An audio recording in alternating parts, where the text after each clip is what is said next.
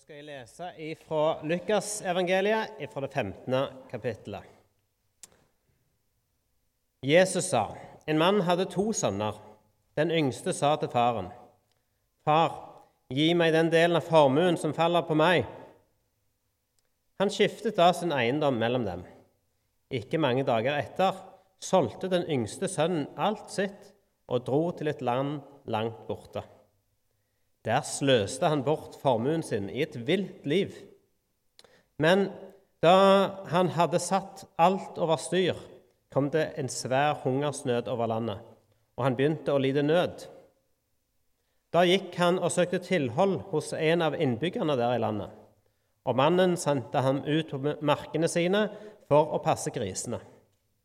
Han ønsket bare å få mette seg med de belgfruktene som grisene åt og ingen ga ham noe. Da kom han til seg selv og sa:" Hvor mange leiekarer hjemme hos min far har ikke mat i overflod, mens jeg går her og sulter i hjel? Jeg vil bryte opp og gå til min far og si:" Far, jeg har syndet mot himmelen og mot deg. Jeg fortjener ikke lenger å være sønnen din. Men la meg få være som en av leiekarene dine. Dermed brøt han opp og dro hjem til faren. Da han ennå var langt borte, fikk faren se ham, og han fikk inderlig medfølelse med ham. Han løp sønnen i møte, kastet seg om halsen på ham og kysset ham. Sønnen sa, 'Far, jeg har syndet mot himmelen og mot deg. Jeg fortjener ikke lenger å være sønnen din.' Men faren sa til tjenerne sine, 'Skynd dere, finn fram de fineste klærne og ta på ham.' Gi ham ring på fingeren og sko på føttene. Hent gjøkalven og slakt dem. Så vil vi spise og holde fest, for denne sønnen min var død og er blitt levende. Han var bortkommet, men er funnet igjen. Og så begynte festen og gleden. Slik lyder Herrens ord.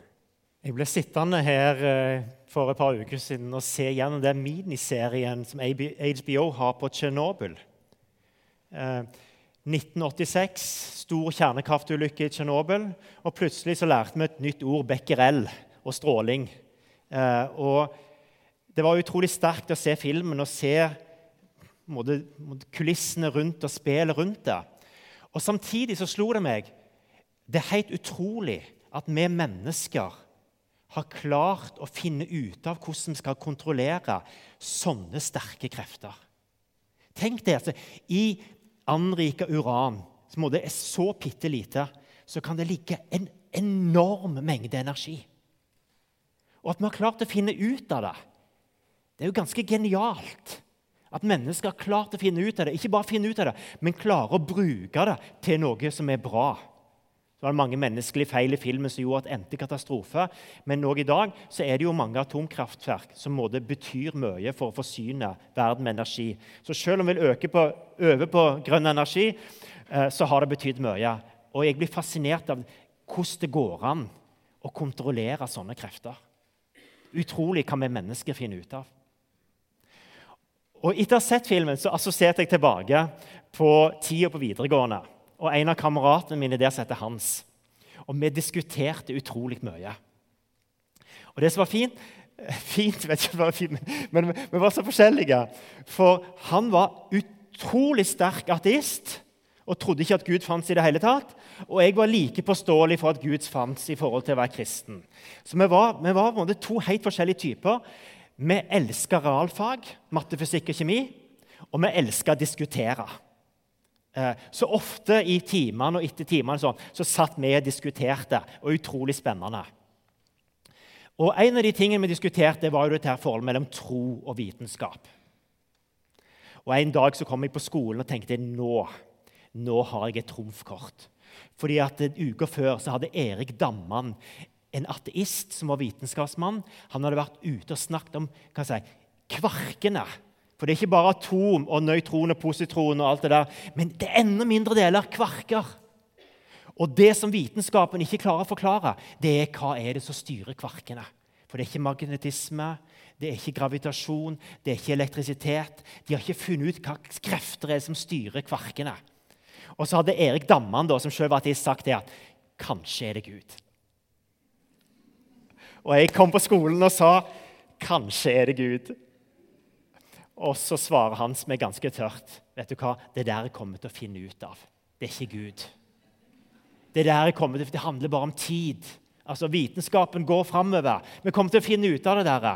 Og jeg er ganske sikker på at han har rett i dag. For det virker som når Gud setter sin signatur, så, så, så må han gjennomføre det. Og det er så gjennomført fornuftig at jeg kan ikke tro at han har lagt noen sånne måte, magiske ting inn i naturen på den måten. Men likevel, selv om vitenskapen kan forklare det meste En regnbue sant? det er jo bare brytning av lys. Nordlys på himmelen. Frost som måte, måte fargelegge et tre når den første frosten kommer på høsten. Eller det å sitte med en baby i armene. Når dere satt med disse konfirmantene når de ble født så kan jeg bare si det er jo bare biologi. Eggceller og sædceller kan forklare alt. Og det er jo masse tilfeldighet i måte at det ble dere. Men vil dere tro på tilfeldighet? Eller vil dere tro på at det, kanskje Gud er med i det likevel? I alle fall så er det et rom der. Når jeg undrer meg over en regnbue eller jeg ser inn i blikket til en liten unge, så undrer det meg over om det ikke fins noe mer. Den andre diskusjonen som jeg og Hans alltid havna i, det var diskusjonen om Bibelen. Og han elska jo å ta sånn Skatt på seks dager, revolusjon ha, ha, ha. Jeg vet iallfall hva som er sant. sant. Ikke kom her og si at det var seks dager. Og så var det den klassiske det var det Adam, Eva, Kain og Abel. Og så går Kain og gifter seg med en kanonesk kvinne. Hvor kom hun ifra? Ha, ha, ha, det er feil i Bibelen. Sant vel? Og så den der teite historien med å spise epler i hagen. Kan det virkelig være så teit at det vonde kommer inn i verden ved at de bare tar et eple fra et tre? Ha, ha, ha. Det var liksom hans. Og så skulle jeg prøve å ta tilbake igjen, da. Så jeg sier ja, men du skjønner det, Hans, at det, de der elleve første kapitlene i Bibelen, det er fortellinger. Fortellinger har et poeng. Det er ikke logikk. Det er ikke vitenskap, men det er en fortelling. Og det handler om at Hele verden er gjennomsyra av Guds kjærlighet.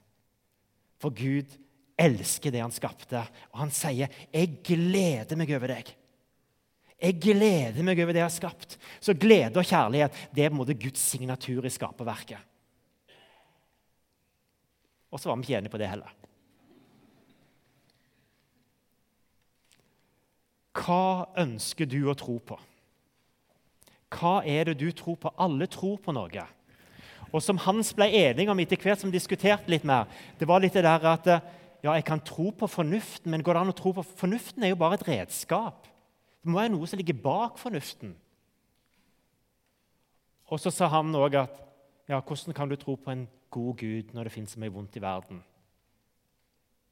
Og så var vi inne på litt det der, der vi ikke hadde svarene på ting. Men det ble en åpen og ærlig samtale. Vi begynte konf-timen med denne. Ja, Da snur jeg den feil vei, ja. Fint, det. Hva ønsker du å ha? Bare Lat nå som dette er et hjul. Det er min tegning her. Lat som et hjul. Men hva vil du ha i navet? Hva skal måtte, livet ditt surre rundt? Hva vil du ha innerst inne her? Vi ønsker når vi må tenke komfortopplegget, er at du skal få være deg sjøl omgitt av Guds kjærlighet. Samme om du tror eller tviler. Eller hva det er det vårt ønske. Men hva ønsker du, og hva ønsker dere konfirmantforeldre og dere andre? Hva ønsker du å ha i kjernen av livet ditt? Hva er det som er det viktigste for deg?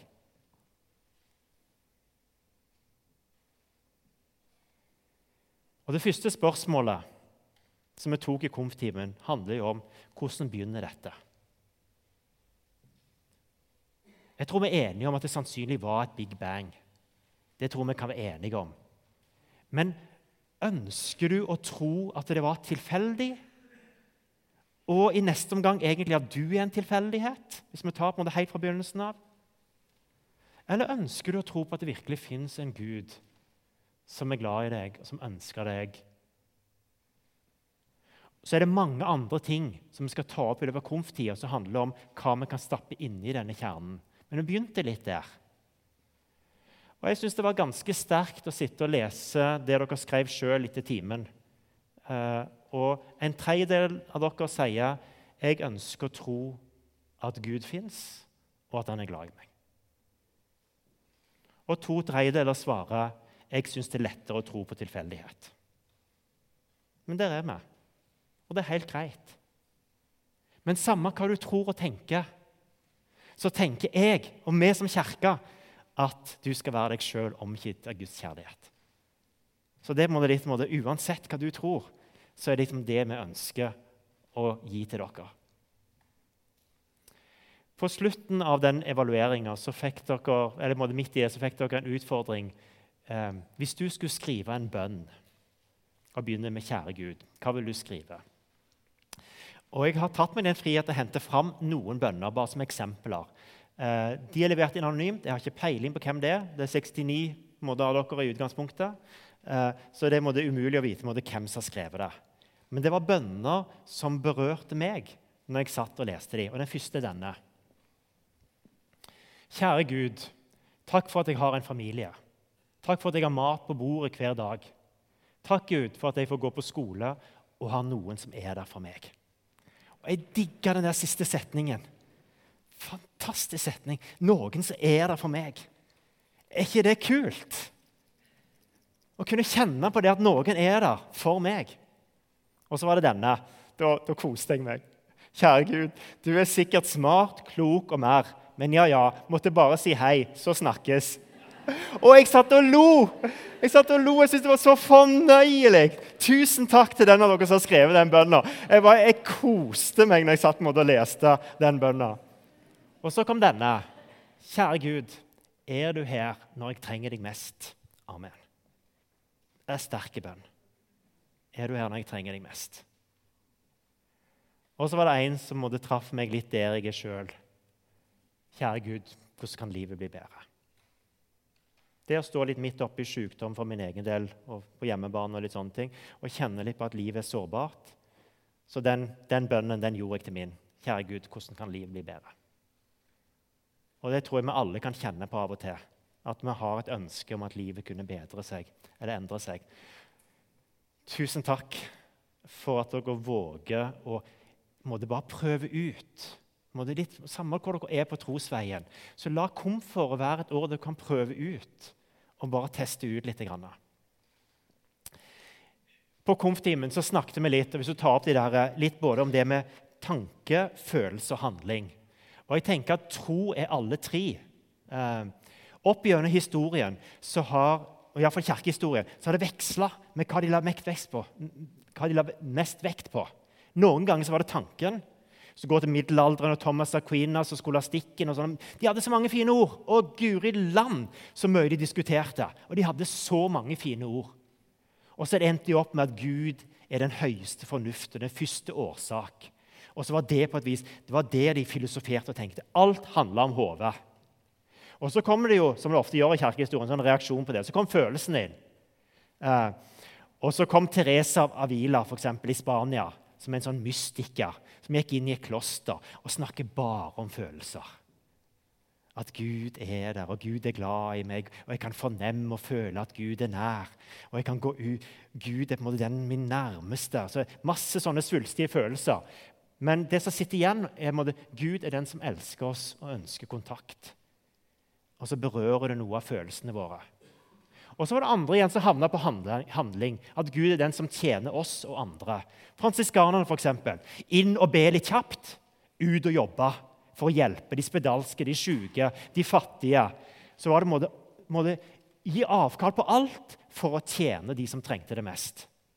Altså, jeg føler litt sånn Kjapt inn og be, ut og jobbe. Kjapt inn og be, ut og jobbe. Men det er handlingene. Hele troa handler om handling. Og litt sånn som vi tenker at Jesus sa på en måte, han ga oss et forbilde. Det du har gjort mot en av disse mine minste, det har du gjort imot meg. Sett i gang. Gjør noe. Og Disse tre tingene har jeg lyst til vi skal ta med oss i komfundervisning og gjennom hele dette året. Og Jeg har tenkt litt på hvordan kan det være en rød tråd i noe av komfundervisningen. Så tenkte jeg på disse tankene her.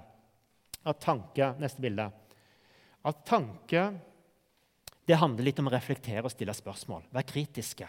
Lure på ting, undre seg. Våge å snu på ting. Og jeg tenker Det går begge veier. For deg som kjenner du har en trygg tro i dag, så våg å lytte litt til de kritiske spørsmålene. Og tenk deg, hvordan ville mitt liv vært hvis jeg ikke trodde på Gud i det hele tatt? Og hvis du er på noen andre, så bare tenk litt. Hvordan ville det vært? Bare la noen spørsmål dukke opp. I forhold til følelser så tenker jeg at det kommer til å handle om at vi hører fortellinger om hva troen betyr i hverdagen. Vitnesbyrd. Det må du tro i hverdagen. Og så handler det litt om at dere i løpet av dette året vil skrive bønner til Gud. At det, det er din mulighet til å tenke at det er både følelse og relasjon har jeg lyst til å hive inn i den. At det er det som er kjernen i det. Og så handler det om handlinger. At tro er handling. Og Derfor så går vi både bang rett på konfaksjon. Gi et liv med rent vann. Det er nesten sånn Samme hva du tror, gjør noe! Du kan bety en forskjell. Det er det som er tro. Det er ikke å sitte hjemme og tenke hvor mye du skal be, eller hvor mye du har bevis for at Gud fins eller ikke. Gjør noe! Det er det som er tro. Så skjønner dere litt at her er det en dynamikk. Og jeg håper at vi skal innom alle disse tre på en god måte i løpet av dette året.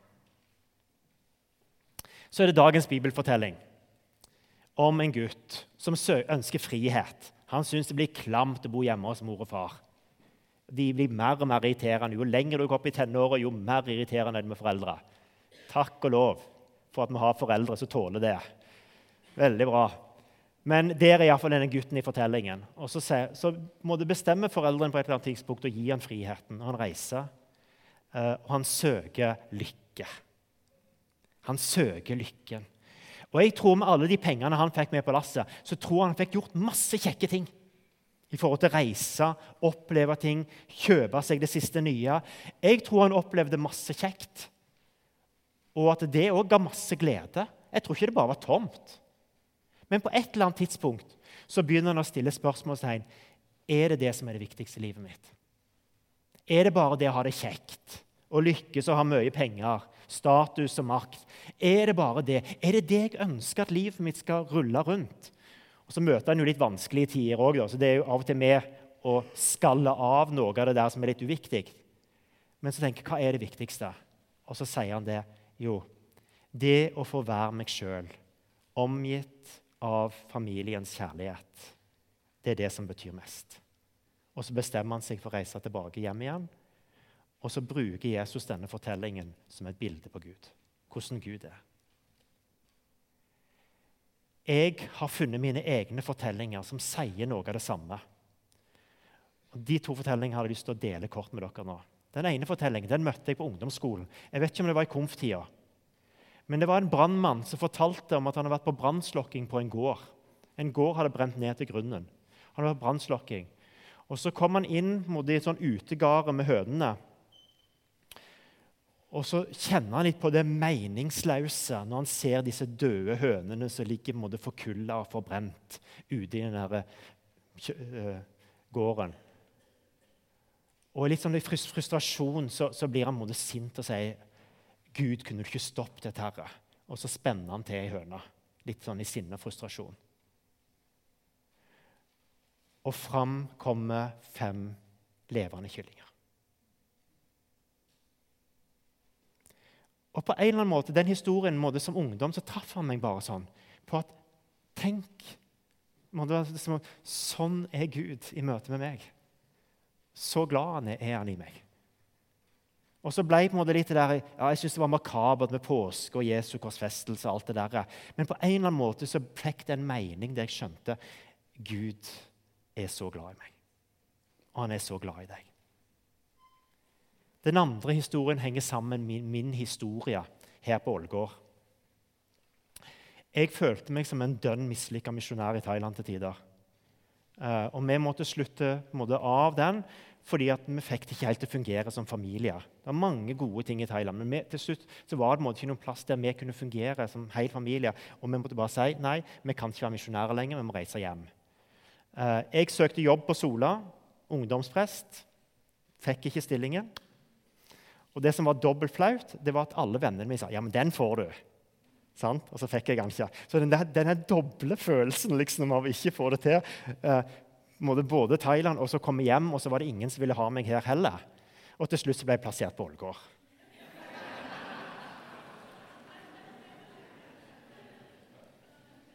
Heldigvis dukket det opp en mulighet. Et nytt prosjekt på Ålgård. Eh, og litt den første høsten så møter jeg den videoen som dere skal få se nå. Eh, Thorvald Stoltenberg er utenriksminister og fredsmekler i Bosnia. Eh, samtidig som han holder på med å redde verden, og sånn, så reiser han hjem så snart han har mulighet, og en del helgene. Og så går han gatelangs i Oslo for å lete etter sin egen datter, Ninni Stoltenberg, som har havna på kjøret. Og For meg så er det på en måte Bibelen oppsummert. Thorvald Stoltenberg kjempet på to fronter. Han visste at tusener av menneskers liv i Bosnia var avhengig av at han fant en fredsløsning. Samtidig kjempet han en personlig kamp i Norge. Gjentatte ganger reiste han i all stillhet til Oslo for å lete etter datteren Nini. Når det er kontakt, så har du håpet. Når du plutselig mister kontakten, så blir du helt uh ja, jeg ble helt vanvittig redd. Og da gjorde jeg altså det som ikke hører fornuftig hjemme noe sted, men jeg, jeg kjørte rundt uh, overalt i Oslo. Og så etter henne på gatene. I byen, ut, utkanten av byen. Gikk hun tur, eller var hun nede i sentrum og uh, shopping? Altså, jeg var desperat på jakt etter henne. Og så var det eh, Fikk jeg høre at det var en venn av henne som satt inne. Og da kjørte jeg til eh, det fengselet, og så stilte jeg meg der. Jeg var nervøs, redd for hele situasjonen. Kastet jeg bort tiden? Burde jeg heller kjøre rundt og, og lete?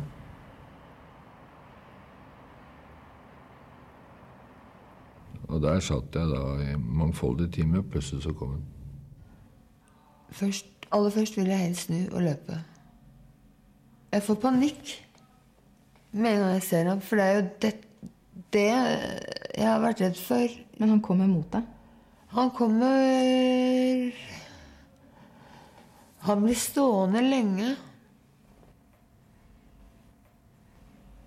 Så jeg han gir meg muligheten til å løpe, faktisk. Han gjør det. Han står lenge stille. Nei, jeg, jeg er ikke jeger, men jeg går ut fra det er sånn jegere oppfører seg. Når du er på jakt. Og jeg var på jakt etter datteren min. Vi står og ser på hverandre. Jeg kan ikke si hvor lang tid, for for meg virker det som en evighet. Du lurer på om du skal løpe, ja. du gjør det ikke. Nei, jeg gjør det ikke. Og så? Og så går han bort til meg og holder meg fast. Det, altså på en sånn måte at jeg følte at nå ble jeg holdt oppe selv om jeg ikke orker å stå lenger.